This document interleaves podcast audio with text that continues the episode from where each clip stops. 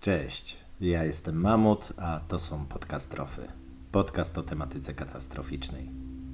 Odcinek 31. Katastrofy tam. Na początku muszę podziękować Karolowi, który postanowił zostać moim patronem, a że Karol nie bawi się w półśrodki, to od razu wjechał na pełnej, podobnie jak jeden z moich kolegów lokomotywą w zamknięte drzwi lokomotywowni. Karol, jeszcze raz wielkie dzięki. Całkiem niedawno wspomniałem o tym, że nierzadko zdarza nam się niszczyć środowisko, w jakim przyszło nam żyć, i doprowadzamy do sytuacji, w której przestaje się ono nadawać do życia, a czasami się staje nawet dla nas niebezpieczne. Wspomniałem też, że jest jeszcze jeden gatunek, któremu zdarza się odwalać podobne numery. Ciężko powiedzieć, żebym wywołał burzę, bo prawdę mówiąc, jestem tylko małym podcasterem, ale jestem pewien, że kilka osób zainteresowałem właśnie tym zdaniem i pisały do mnie, jaki dokładnie gatunek miałem na myśli. A ja, wczuwając się w rolę, odpowiadałem, że to temat na osobny odcinek. I dzisiaj przyszedł ten czas, żeby ten odcinek nagrać. Jeśli pomyśleliście, że chodziło mi o bobry, to mieliście rację. I są to przesympatyczne stworzenia, bardzo pracowite, które potrafią z dużym uporem realizować to, do czego zaprojektowała je natura. Nie są w żaden sposób niebezpieczne, no chyba, że ktoś chce je dotknąć, ale powiem szczerze, że mi obserwowanie ich sprawia dużą przyjemność, a ostatnio jeden z tych ambitnych budowniczych postanowił się osiedlić dosłownie 20 metrów od domu moich rodziców, więc od czasu do czasu mogę go obserwować, jak spaceruje sobie ulicą w poszukiwaniu gałęzi. No ale dlaczego twierdzę, że bobry niszczą swoje środowisko? Myślę, że słowo niszczą może nie do końca i może nawet w dość mylący sposób opisywać ich działania, one je przekształcają, czasem niestety samemu cierpiąc w wyniku swoich działań. Musimy zdać sobie sprawę, że bobry wykorzystują okazję, jaka im się przytrafia. Nie zawsze budują tamy i wiele z nich mieszka na przykład nad Wisłą i nie mają potrzeby spiętrzania wody.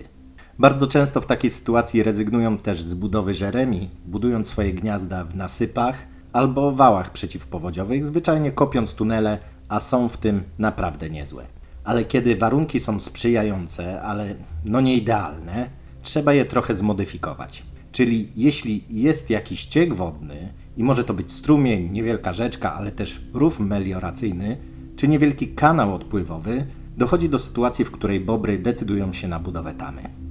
Tak naprawdę woda nie jest im do niczego potrzebna, przecież nie zasilają nią turbin, generatorów prądotwórczych, ani nie nawadniają nią pól uprawnych, ale ma olbrzymie znaczenie z innego powodu.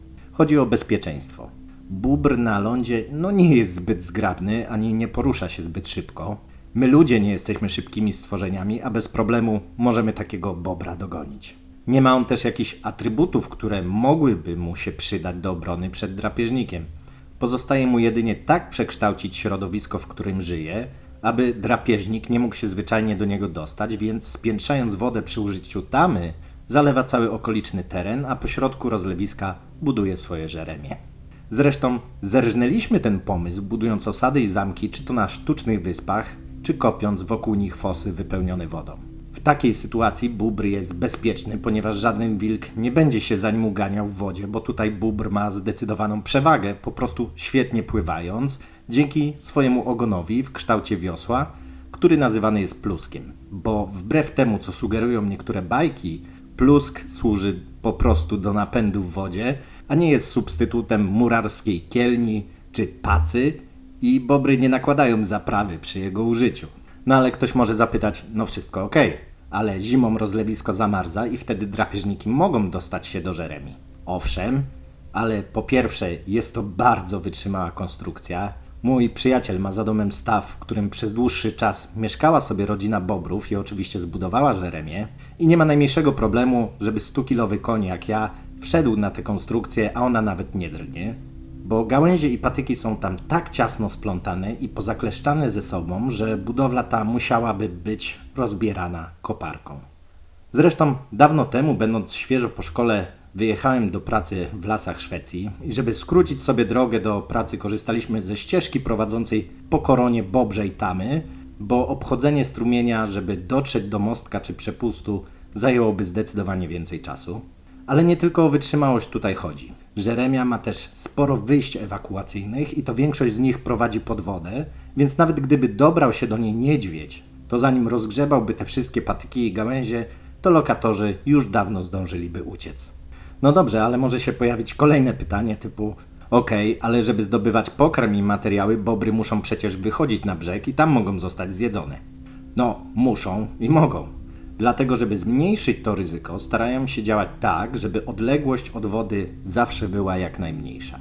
Więc kiedy wykorzystają wszystko, co jest w pobliżu, zetną wszystkie drzewa i tak dalej, to albo starają się podnieść poziom wody, żeby zwiększyć zasięg, na jakim mogą operować, albo kopią kanały odchodzące promieniście od tego głównego zbiornika, żeby dostać się bezpiecznie na teren, gdzie zasoby wciąż są dostępne.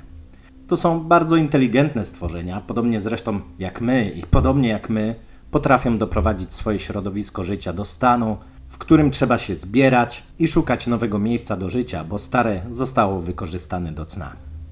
Nie zawsze tak się zdarza i dzieje się to w sposób naturalny, kiedy to przekształcenie nie oznacza zniszczenia, a raczej nowe możliwości dla innych organizmów, ale jednak bobry nie są z tego powodu raczej zadowolone. Ale jak to się dzieje? Na jakieś sprzyjające miejsce przybywają bobry. Najpierw kopią jakąś norę, która zapewni im odrobinę schronienia. Potem powoli zaczynają wycinać krzewy w okolicy. Bobry nie jedzą drewna, wolą pędy i miękką warstwę znajdującą się pod korą. Stąd często można znaleźć w okolicy patyki zupełnie obrane skory. Kiedy kończy się łatwo dostępny pokarm, zaczynają obalać drzewa, bo przecież w ich koronach jest sporo cienkich gałęzi i świeżych pędów. Oczywiście zaczynają też modyfikować swoje otoczenie. Zaczyna się budowa żeremi oraz tam, czy chociażby korka w przepuście, żeby spiętrzyć wodę, dzięki czemu będą mogły, nie wychodząc na suchy ląd na zbyt długo, poszukiwać pokarmu coraz dalej od swojej siedziby. I tu trochę przyspieszmy. Trwa wycinka, woda się podnosi i rozlewa szerzej, bobry kopią kanały i tak dalej. Jednak jeśli nie są to jakieś duże cieki wodne i występują w okolicy może nie do końca idealnej, to utworzone zbiorniki potrafią się zamulić. Dokładnie ten sam proces, tylko na większą skalę, występuje w przypadku tam zbudowanych przez człowieka.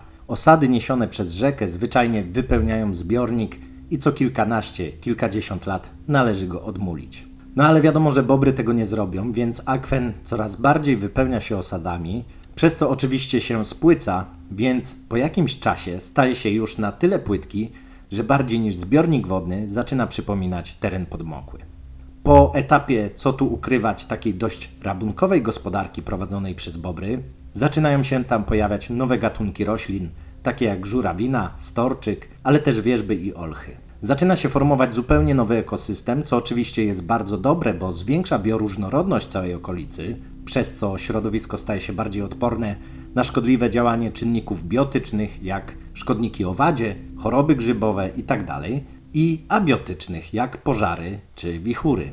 Niestety dla bobrów nie jest to dobra wiadomość, bo po pierwsze w wyniku ich działalności wyczerpaniu ulega okoliczna baza pokarmowa, no i w którymś momencie zamulany i zarastający zbiornik wodny przestaje spełniać swoją rolę, zwyczajnie zmieniając się w obszar podmokły, a później za kilkanaście, kilkadziesiąt lat w podmokły las, czyli ors.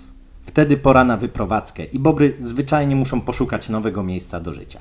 Można więc powiedzieć, że doprowadziły do sytuacji, w której tak przekształciły swoje środowisko, że nie nadawało się ono dłużej do zamieszkania, aczkolwiek nie zniszczyły go, bo przecież powstała zupełnie nowa nisza ekologiczna dla zupełnie innych gatunków. Więc generalnie wszystko jest ok i może tylko bóbr nie jest do końca zadowolony.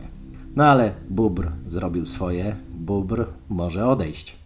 Oczywiście nie zawsze się tak dzieje i to, co przed chwilą opisałem, to pewien uproszczony schemat tego procesu, który zachodzi w pewnych określonych warunkach i zależnie od tych warunków trwa on krócej lub dłużej. Na przykład w Kanadzie pewna kolonia bobrów zamieszkuje sobie pewien teren mniej więcej od lat 70. i ma się całkiem dobrze. Mało tego, pomiary przeprowadzone w roku 2007 pokazały, że ich tama ma 850 metrów długości i wciąż się rozrasta. Nie znalazłem nowszych danych, ale przewidywania sprzed 10 lat mówiły, że wkrótce dołączą kolejne dwa fragmenty długości 100-150 metrów każdy, więc jeśli do tego doszło, to Tamata ma dzisiaj już prawdopodobnie powyżej kilometra.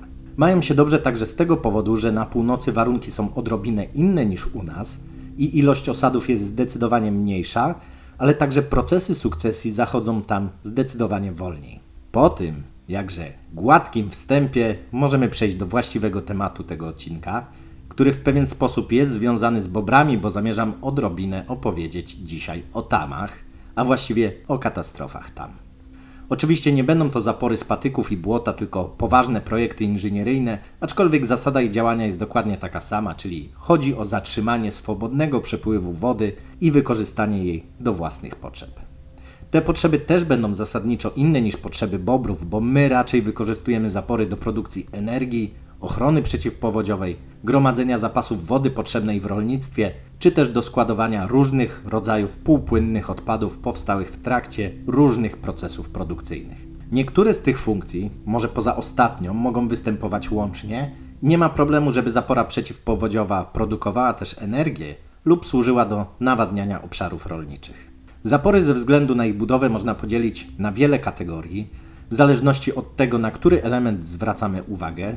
My, jako że nie jest to wykład z budownictwa hydrotechnicznego, przyjmiemy sobie najprostszą klasyfikację, dzieląc je na konstrukcje betonowe i nasypowe, wykonane z materiałów takich jak glina, żwir oraz kamienie, często też posiadające również betonowy rdzeń wewnątrz. Pierwsza zapora, o której sobie opowiemy, znajdowała się i właściwie wciąż znajduje się na rzece Dniepr. Dzisiaj Zaporoże leży na terenie Ukrainy, jednak w okresie, który nas interesuje, była to część Związku Radzieckiego. To, że ustroje totalitarne raczej nieszczególnie przejmowały się swoimi obywatelami, kiedy w grę wchodziła realizacja jakichś planów lub założeń, to wiemy nie od dzisiaj.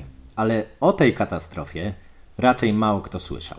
Dniepr to naprawdę potężna rzeka. Nic więc dziwnego, że bardzo szybko ktoś wpadł na pomysł, żeby wykorzystać ją do produkcji energii elektrycznej. Już w czasie pierwszego planu pięcioletniego w ramach państwowego planu elektryfikacji Rosji zbudowano w Zaporożu imponującą tamę. Miała 760 metrów długości, a jej wysokość wynosiła 60 metrów.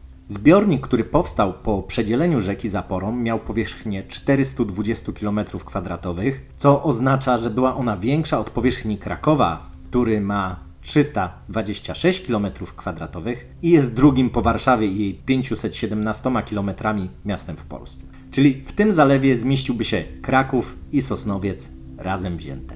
Ale to nie wszystko. Turbiny produkowały 560 MW energii elektrycznej, więc jedyna elektrownia wodna w Polsce, która produkuje jej więcej, to elektrownia wodna Żarnowiec. Wszystkie pozostałe generują jej mniej. Dnieprostroj, bo tak nazywa się ta zapora, powstał w latach 1927-32 i było to związane z programem modernizacji i uprzemysłowienia kraju.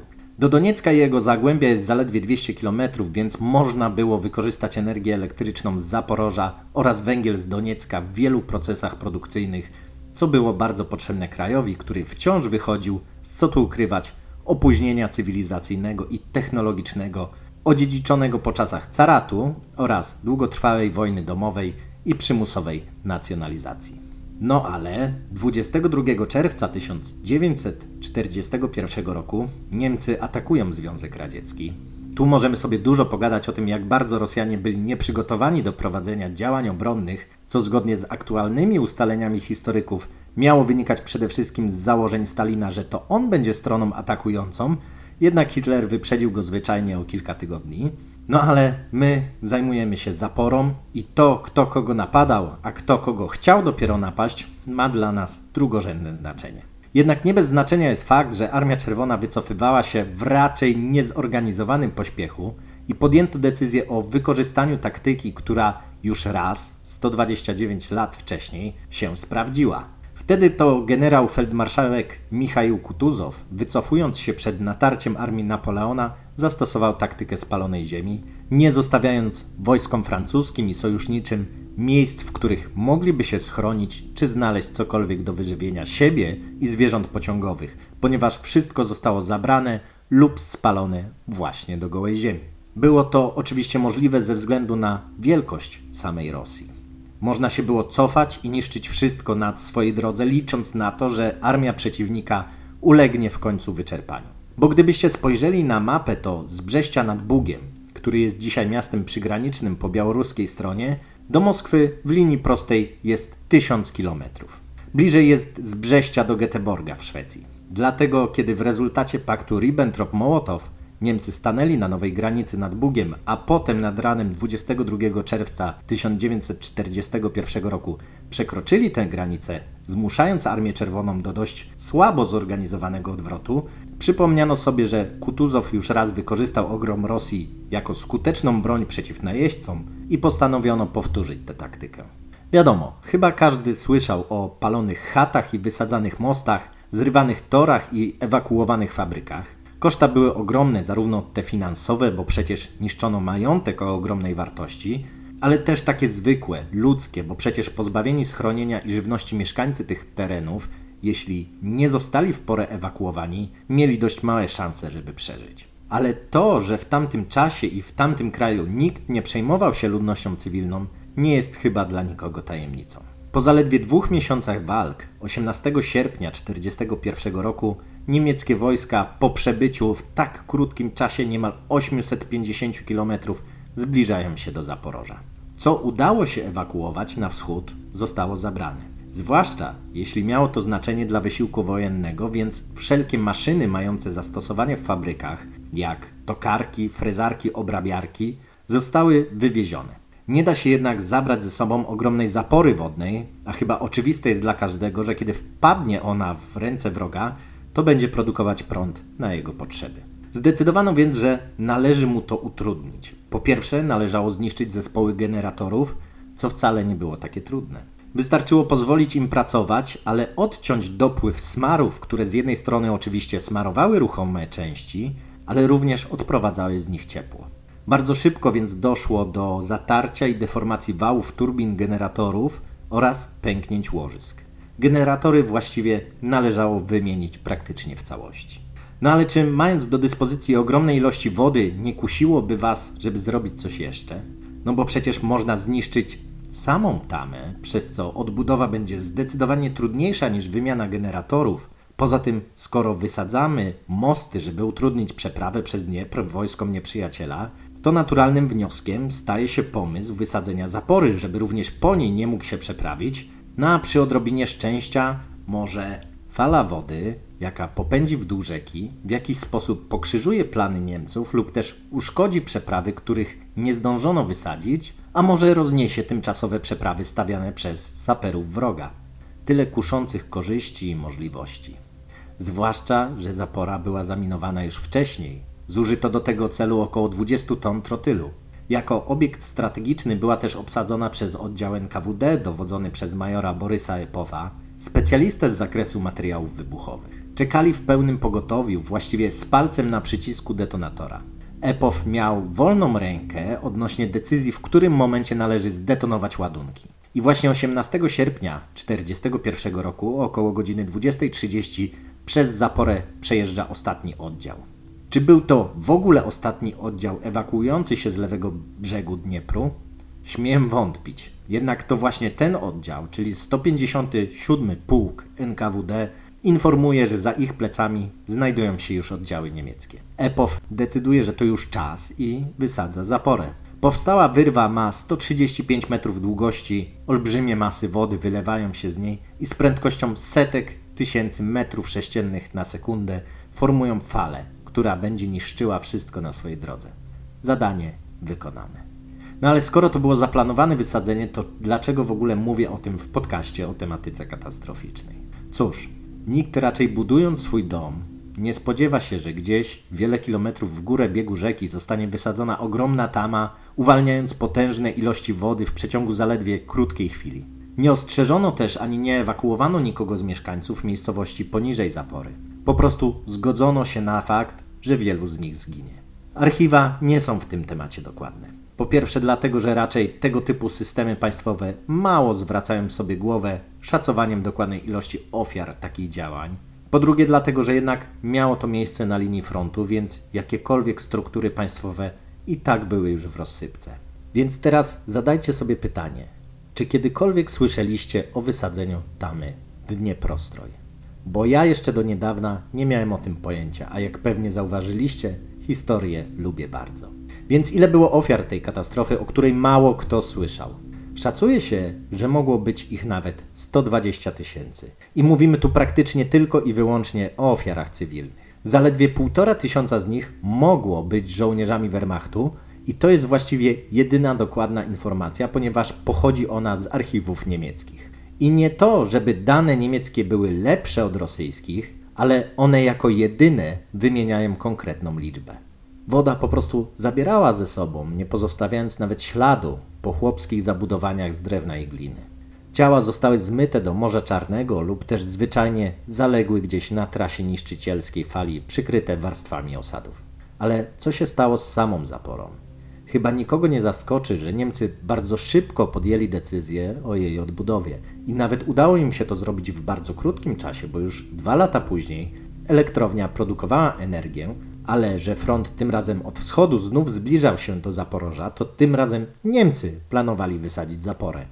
I zamierzali zrobić to tak dokładnie, żeby odbudowa była właściwie niemożliwa. Bo ile w roku 1941 EPOW użył 20 ton materiałów wybuchowych, to dwa lata później do tej operacji Wehrmacht przeznaczył 300 ton trotylu. Jednak nie udało im się tego zrobić. Szybkie postępy Armii Czerwonej zaskoczyły stronę niemiecką i ładunki nie były jeszcze przygotowane, kiedy oddziały radzieckie praktycznie z marszu zajęły tamę.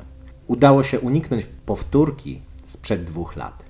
Dzisiaj Dnieprzańska elektrownia wodna dzięki rozbudowie i modernizacji z lat 69-80 generuje 1570 MW mocy, czyli więcej niż nasza słynna ostatnio elektrownia Turów. I mimo, że było to celowe działanie, jestem zdania, że zdecydowanie wysadzenie Dnieprostroju spełnia wszelkie wymogi, żebyśmy mogli mówić tutaj o katastrofie. Przenieśmy się teraz o 6,5 tysiąca kilometrów na południowy wschód. Szczerze mówiąc, moja wiedza o Chinach nie jest zbyt rozległa. Słuchałem podcastów traktujących zarówno o historii państwa środka, jak i o tym, co się tam dzieje dzisiaj. Jednak odnoszę wrażenie, że cokolwiek bym tu nie powiedział, będzie to bardziej moje wyobrażenie na temat tego kraju niż fakty. Zwłaszcza, że bardzo różnimy się kulturowo, więc w takim moim odczuciu, nawet żeby interpretować, wydawałoby się suche fakty, potrzebna jest chociaż odrobina znajomości kultury i społeczeństwa tego kraju, więc ja mógłbym się tutaj okrutnie pomylić. Jednak jest to ogromny kraj, w którym żyje ogromna populacja i który niejednokrotnie realizował ogromne projekty. Ja, kiedy zbierałem materiały do tego odcinka, w pewnym momencie przecierałem oczy ze zdziwienia, bo okazuje się, że w Chinach jest niemal 100 tysięcy tam i zapór, z czego około 22 tysiące jest wyższych niż 15 metrów. Oznacza to, że co druga zapora wyższa niż 15 metrów znajduje się w Chinach. Nic więc dziwnego, że katastrofy się tam zdarzały i istnieje spora doza prawdopodobieństwa, że będą się zdarzać i to z różnych przyczyn.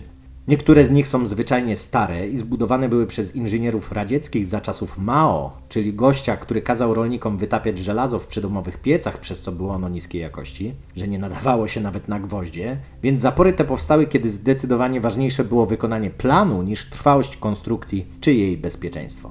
No ale tamę Bankiao, jak wiele innych, udało się zbudować. Zresztą zrobiono to w bardzo krótkim czasie, tworząc po prostu nasyp ziemny na rzece Huai. Jedyną częścią wykonaną ze zbrojonego betonu były awaryjne spusty wody oraz hale turbin i prowadzące do nich kanały. Dzięki takim rozwiązaniom można było zaoszczędzić niemało środków, ale też bardzo dużo czasu, gdyż budowa całości nie trwała nawet dwóch lat.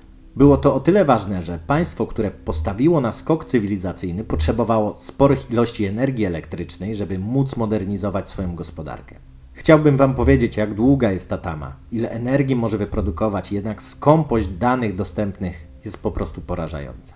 Prawdę mówiąc, Chiny przez wiele lat stosowały blokadę informacyjną dotyczącą tej katastrofy, więc wszelkie dane są bardzo niepewne. Bazując jednak na pomiarach wykonanych na zdjęciach satelitarnych, możemy być pewni, że sama zapora ma ponad 2 km długości. Natomiast sam zbiornik ma średnio 8 km długości oraz 5 szerokości. Wiemy natomiast, że powstały po jej budowie zbiornik mógł pomieścić pół miliarda metrów sześciennych wody. Jeśli odpalicie sobie mapy Google i spojrzycie na okolice, to właściwie możecie być pewni, że niemal każdy zbiornik wodny, jaki się tam znajduje, powstał w wyniku przegrodzenia rzeki zaporą i najczęściej są to tamy po prostu usypane z ziemi, gliny i piasku, nie zawsze obłożone z zewnątrz betonem, który mógłby zapobiec przesiąkaniu i wymywaniu całej konstrukcji.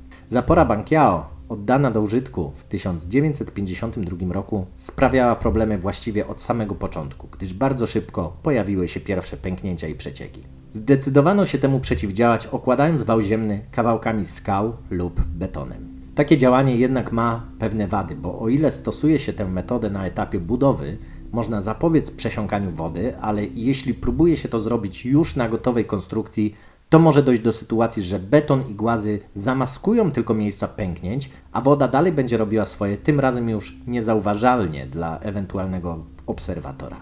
Jednak uznano, że takie działania wystarczą i rzeczywiście przez dłuższy czas był spokój. Jednak Chiny, oprócz tego, że leżą w regionie aktywnym sejsmicznie, to jeszcze są często nawiedzane przez tajfuny. W sierpniu 1975 roku w państwo środka uderza tajfun, jaki według naukowców zdarza się raz na 2000 lat. W ciągu zaledwie 24 godzin w niektórych miejscach spada 1060 mm wody, czyli to jest słup wody mający ponad metr wysokości. Ale żeby to sobie lepiej zobrazować, to na każdy metr kwadratowy spada tyle wody, ile mieści się w zbiorniku typu Mauser, bo każdy milimetr oznacza litr wody na metr kwadratowy, więc 1060 mm to Mauser plus jeszcze 12 5-litrowych butli. Tama natomiast była przystosowana, żeby wytrzymać opady o wysokości do 300 mm na dobę. Tym razem wody było zwyczajnie za dużo. 6 sierpnia personel zapory zwraca się z prośbą o zgodę na zrzut wody, aby zrobić miejsce na kolejne fale wyzbraniowe. Nie dostali jednak zgody, ponieważ w dole rzeki Huaj już dochodziło do powodzi i podtopień, ponieważ tajfuny przychodzą od strony oceanu, uderzając najpierw w wybrzeże, a następnie poruszając się w głąb lądu. Dlatego obszary położone poniżej zapory już miały problem z nadmiarem wody, a gdyby dodatkowo jeszcze dolano jej spuszczając wodę z Bankiao, sytuacja byłaby jeszcze gorsza. No ale brak zgody nie spowoduje, że nadmiar wody magicznie wyparuje, bo jakoś tak się składa, że natura nie bardzo przejmuje się naszymi oczekiwaniami czy formalnościami. 7 sierpnia tajfun uderza w okolice zapory. Linie telegraficzne i telefoniczne zostają przerwane, a cała łączność zostaje zerwana. Właśnie wtedy ktoś się zreflektował, że może należałoby wydać zgodę na awaryjny zrzut wody, jednak i tak już nie da się o tym poinformować załogi zapory, a wody przybywa w zastraszającym tempie. O godzinie pierwszej w nocy 8 sierpnia Tama nie wytrzymuje. Dosłownie w ciągu kilku sekund zostaje wypłukana olbrzymia wyrwa i około 78 tysięcy metrów sześciennych wody na sekundę wylewa się bez żadnej kontroli. Wysokość tej fali dochodzi do 7 metrów, a w sprzyjającym terenie, jakim są okoliczne pola uprawne, rozlewa się na froncie o szerokości nawet 10 km. Jej prędkość też jest niemała, bo porusza się nawet do 50 km na godzinę. Według Departamentu Hydrologii prowincji Henan około 26 tysięcy ludzi zginęło podczas powodzi po zerwaniu tamy oraz dodatkowo kolejne 145 tysięcy zmarło w wyniku epidemii oraz klęski głodu. Ponadto zniszczonych zostało 5 milionów 960 tysięcy budynków, a 11 milionów mieszkańców zostało dotkniętych skutkami powodzi. Jednak według innych szacunków osób zmarłych mogło być dwukrotnie więcej. Zresztą pytanie, na ile można wierzyć danym chińskim, skoro do 2004 roku twierdzili oni, że żadna tego typu katastrofa w ogóle nie miała miejsca, a jeśli ktoś nie wierzył, to pokazywali mu tamę, którą odbudowali 1993 roku. Powiem Wam, że im dalej brnę z tym odcinkiem, tym robię większe oczy. Tylko szukając materiałów odnośnie katastrofy Banqiao, natrafiłem na co najmniej 5 lub 6 kolejnych zawalonych tam w Chinach. Jakby tego było mało, w ostatnich latach porzucono tam niemal 3000 zapór i porzucono to właściwie najlepsze słowo, bo nie zlikwidowano ich fizycznie, tylko one wciąż tam stoją, ale nie są obsługiwane przez co wypełniają się osadami, aż w końcu najprawdopodobniej się zawalą, jak to miało miejsce w 2016 roku na rzece Xiangjiang czy Soku w 2010 roku.